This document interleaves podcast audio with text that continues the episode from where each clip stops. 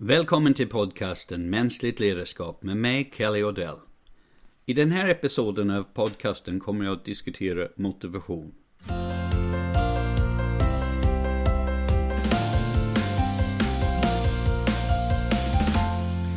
För ett tag sedan hade jag ett uppdrag på en kickoff för ett större företag.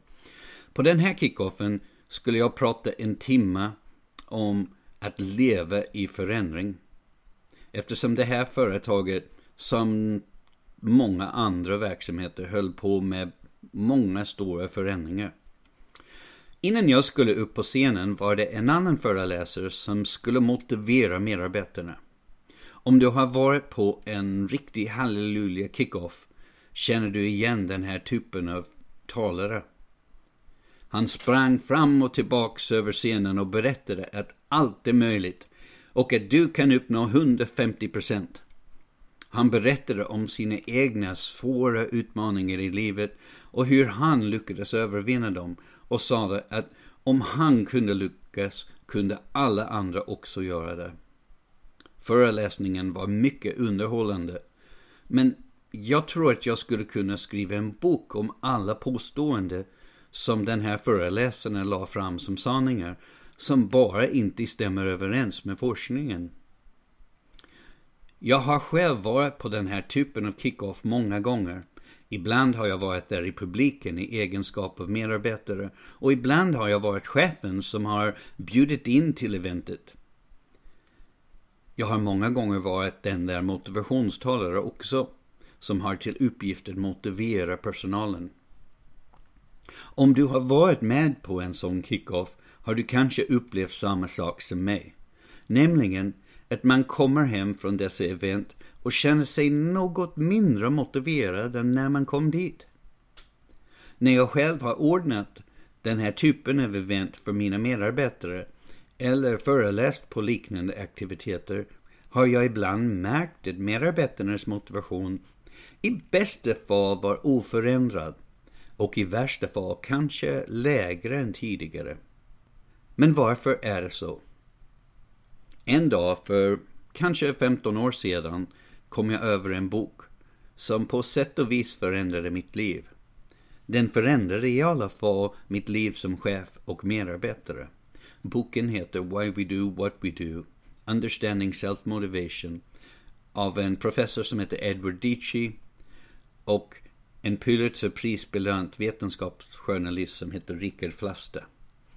Dici och Flaste insåg att trots att forskarna har lärt sig mycket om motivation och hur motivation fungerar är det mycket lite av kunskapen som nått ut till allmänheten. De allra flesta chefer jag träffar i mitt arbete tror att de bär på ett stort ansvar för att motivera sina medarbetare. Och de allra flesta medarbetare jag möter tycker också att chefen ska motivera dem. Men enligt Dici och Flaste säger forskningen att detta är i stort sett omöjligt, eller i varje fall extremt svårt. Dicis råd till oss som befinner oss i ledarroller är att sluta fråga hur vi kan motivera andra och istället fråga hur kan vi hjälpa människor att få utlopp för sin motivation. Enligt Dici är det större risk att vi sätter upp hinder som gör det svårt för andra att få utlopp för sin motivation än det är chans att vi kan öka på deras motivation. Det handlar om att skapa ett klimat där folk får utlopp för sin motivation. Dici och Flaster beskriver att det finns två typer av motivation, den inre och den yttre. Den inre motivationen är en drivkraft att vilja göra eller åstadkomma något för den inre tillfredsställelse som det skapar. För att citera Dici och Flaste. Att lukta på rosorna, att vara trollbunden när pusselbitarna faller på plats, att se solljuset när den dansar på molnen, att känna spänningen när man når toppen av ett berg. Dessa upplevelser som inte kräver något annat i utbyte för att vara rättfärdigare. Den inre motivationen är när aktiviteten eller handlingen är sin egen belöning. Den yttre motivationen å andra sidan handlar om drivkraften att göra något som ger någon typ av belöning. Eller möjligtvis straff. Som till exempel bonusar, provisioner, betygssystem, beröm och kritik.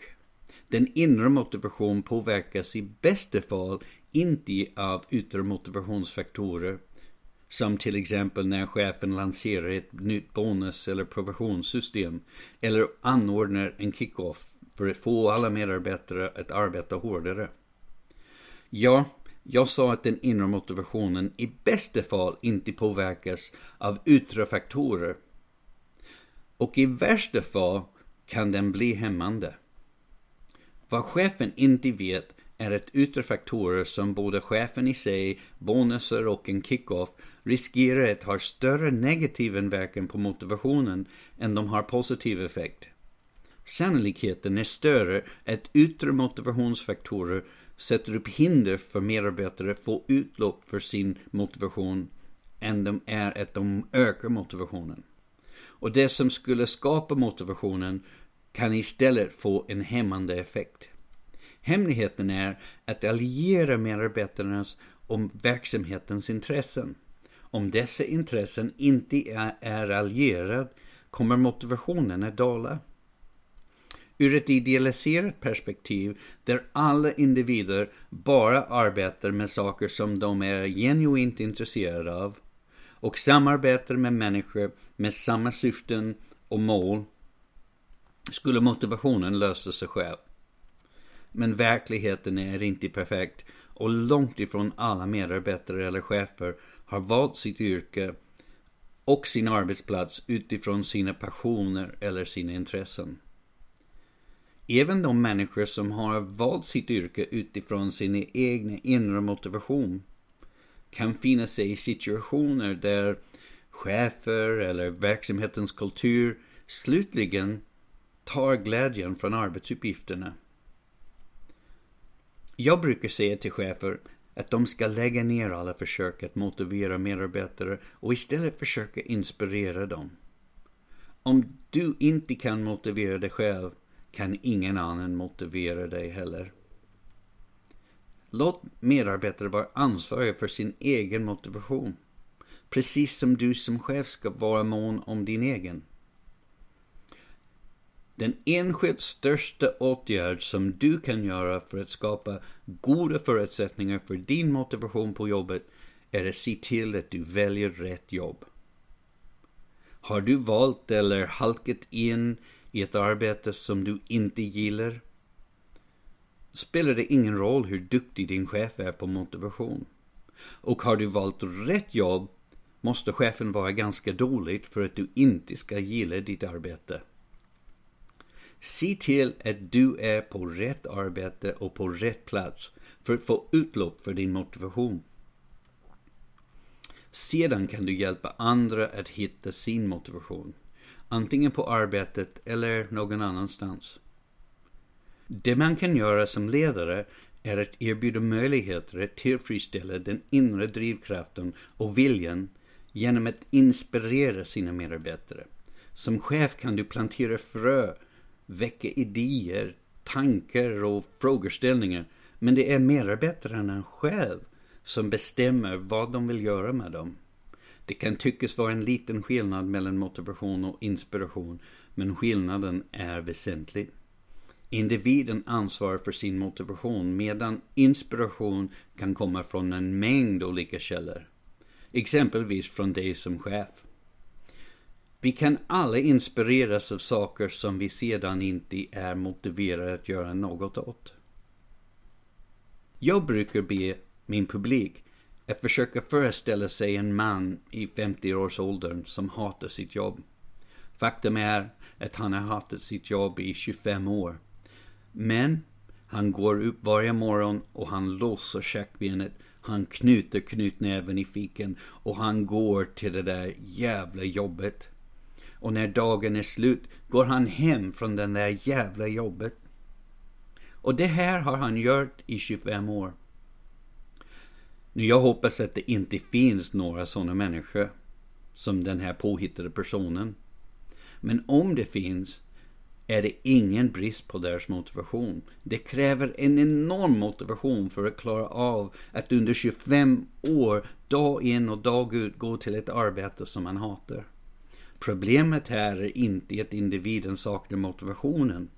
Problemet är att han inte är motiverad för sitt arbete. Edward Dici och Richard Flaste har identifierat tre fundamentala komponenter för inre motivation. Färdighet, autonomi eller självbestämmande och tillhörighet. Dessa är grundstenarna för all intern motivation. Om jag som chef vill hjälpa en medarbetare få utlopp för sin inre motivation på arbetet ska jag titta på hur jag kan hjälpa personen att öka sin kompetens eller sin färdighet. Medarbetare som känner att de inte är så bra på sitt arbete upplever sig inte särskilt motiverade. På samma sätt som de som behärskar sitt arbete tycker att det är roligt och motiveras till att göra ännu mer. En chef kan med olika insatser som utbildning, träning på jobbet och andra möjligheter till utveckling öka en medarbetares färdigheter. Allt eftersom medarbetarens färdighet relativt deras arbetsuppgifter ökar, ökar också förutsättningar för att medarbetaren kommer att bli motiverad. Tänk på att chefen i detta sammanhang inte skapar motivationen hos medarbetaren utan istället skapar bättre förutsättningar för individen att få utlopp för sin motivation på, på arbetet. De två andra komponenter av inre motivation är något mer invecklad, vilket beror på vår egen komplexitet som människa. Å ena sidan vill vi ha en hög grad av självbestämmande. Ingen av oss tycker att det är särskilt inspirerande att bli kontrollerad eller att någon lägger sig i hur vi utför vårt arbete. Å andra sidan vill vi känna en tillhörighet till gruppen. Jag har träffat många chefer som uttryckt sin frustration över att inte vet hur pass fria händer de ska ge sina medarbetare för att öka deras självbestämmande och hur mycket de ska kontrollera att medarbetare arbetar efter verksamhetens arbetssätt och regelverk. I dagens verksamheter lägger vi mycket energi på att kartlägga, utveckla och implementera standardiserade processer och arbetssätt. Frågan är om man i dessa verksamheter kan skapa en hög grad av självbestämmande utan att skälpa verksamhetens standardiserade arbetssätt. Det hävdar jag definitivt att man kan. När jag var säljansvarig på Volvo personbilar fick jag budgetmål av mina chefer utan att jag hade särskilt mycket att säga till om. Faktum var att jag visste ungefär vad budgeten skulle bli innan jag fick den. Den skulle bli ungefär samma som förra året plus lite till. Målen innebar i princip att så här många bilar ska säljas och så här mycket pengar ska dras in. Men istället för att dela upp budgeten bland mina underordnade regionchefer och ge dem direktiv om de uppsatta målen berättade jag vilka budgetmål jag fått och frågade dem kan ni fördela min budget mellan er och komma fram till en plan på hur vi kan leverera. Sedan lämnade jag rummet och lät dem arbeta i fred. När vi sedan träffades igen och regioncheferna presenterade sitt gemensamma förslag var det snarlikt det jag hade kommit fram till. Men skillnaden var att jag som chef inte tagit fram förslaget. Det hade de själv gjort. Och självklart blev deras motivation att uppnå målen mycket större när de varit med om att formulera förslaget. Så även om mina chefer agerar på ett sätt som riskerar att minska min motivation betyder det inte att jag själv behövde göra likadant. När medarbetarna får ökad självbestämmanderätt med möjlighet att sätta egna mål och bestämma hur de ska uppnås känner de sig mer delaktiga i verksamheten. Och som en viktig del av helheten Det finns ingenting som får en person att känna större utanförskap än vetskapen om att man har väldigt lite att säga till om. Som i det klassiska förhållningssätt. Här har du ditt mål och det ska du uppnå. Här finns inte utrymme för kommentarer, justeringar, alternativ eller förslag till lösningar från medarbetarna. De ska bara arbeta på och inte tycka så mycket. Det får till följd att medarbetarna upplever att verksamheten inte har tillräckligt förtroende för dem. I fallet på Volvo där regioncheferna fick större möjlighet att påverka sina mål och arbetssätt fick det dem att känna sig delaktiga på ett helt annat sätt, vilket också visade sig resultatmässigt.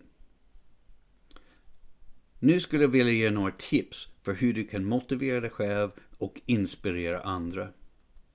Den första rekommendationen är var ärlig mot dig själv. Var ärlig mot dig själv om vad du vill och varför du arbetar med det du gör. Den andra rekommendationen är uppmuntra andra till att antingen skapa det jobb som de vill ha eller byta till det. Den tredje rekommendationen är sluta försöka motivera andra. Inspirera dem. Hjälp dem att få utlopp för sin egen motivation. Den fjärde rekommendationen är investera tid och pengar i medarbetarnas kompetens. Öka deras självbestämmande och involvera dem djupare i verksamhetens liv. Den femte tips. Om du inte brinner för det du gör, gå och gör något du brinner för. Nu skulle jag vilja göra en liten heads-up Eh, är det med stor glädje att jag får berätta att mitt företag Astrakan Strategisk Utbildning har bjudit in Edward Dici, den här professor som har skrivit de böcker som jag har nämnt här. Eh, professor Dici kommer till Stockholm och kommer hålla en föreläsning och vi kommer att bjuda in eh, alla som vill komma eh, den 27 oktober eh, i höst nu. Så vi har inte satt exakt var vi ska vara men Mac den 27 eh, oktober på eftermiddagen i din kalender eh, och eh, se fram en fantastisk dag i motivationstecken. För månadens bok skulle jag vilja rekommendera ett av Edward Dicis böcker som heter Self-Determination Theory skrivet av Edward Deachy och Richard M. Ryan. Jag har tidigare rekommenderat boken Why We Do What We Do av Edward Deachy och Richard Flaste som en populär beskrivning av modern forskning runt motivation. Och om du inte har läst den ännu rekommenderar jag den varmt. Men för de av er som har läst den eh, och vill ta nästa steg föreslår jag boken Self-Determination Theory som är en utomordentlig beskrivning av teorin runt intern motivation.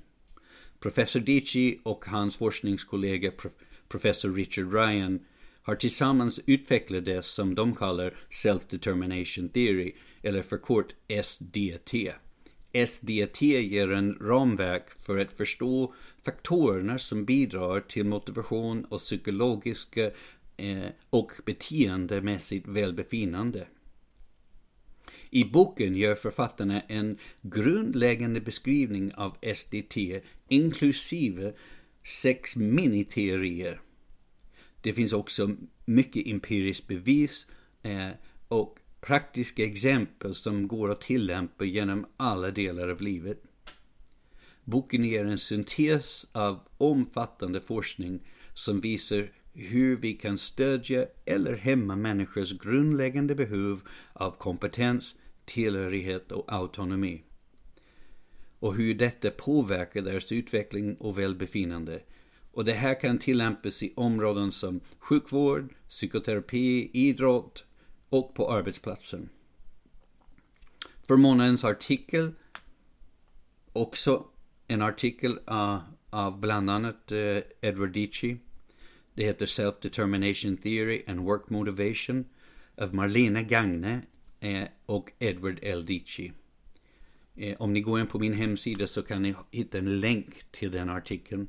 Den artikeln beskriver hur intern och extern motivation påverkar arbetet. Det jag tycker är mest intressant är att artikeln bryter ner extern motivation i olika kategorier beroende på individens möjlighet att påverka. Från motivationsfaktorer där man har ingen påverkan alls tills de där man har mycket möjlighet till påverkan. Detta gör det lättare att förstå hur intern och extern motivation hänger ihop och hur man kan tillämpa self-determination theory på arbetsplatsen. Jag vill också ta tillfället att rekommendera månadens utbildning. Jag tror jag har rekommenderat den här tidigare i något sammanhang. Men jag vill slå ett slag för den igen. Den har visat sig vara mycket, mycket eh, uppskattad. Eh, och den heter Organizational Behavior Management. Om du går in på min hemsida eller på astrakan.se så kan du hitta länken till den utbildningen. Den här kursen i Organizational Behavior Management, eller OBM som vi kallar det, eh, är ett verktyg för att tillämpa beteendeanalys och inlärningspsykologi eh, i, i samband med organisationsutveckling. Och OBM handlar om vad som styr vårt beteende och vad vi kan göra för att påverka dem. OBM är ett utmärkt komplement för att få andra modeller att fungera i praktiken och lyckas med förändringar i verksamheten. Den här kursen leds av några fantastiska psykologer som lotsar deltagarna genom både teori och praktik. Tack för att du har lyssnat på podcasten Mänskligt ledarskap med mig, Kelly Odell. Och jag ser fram emot att prata med dig igen.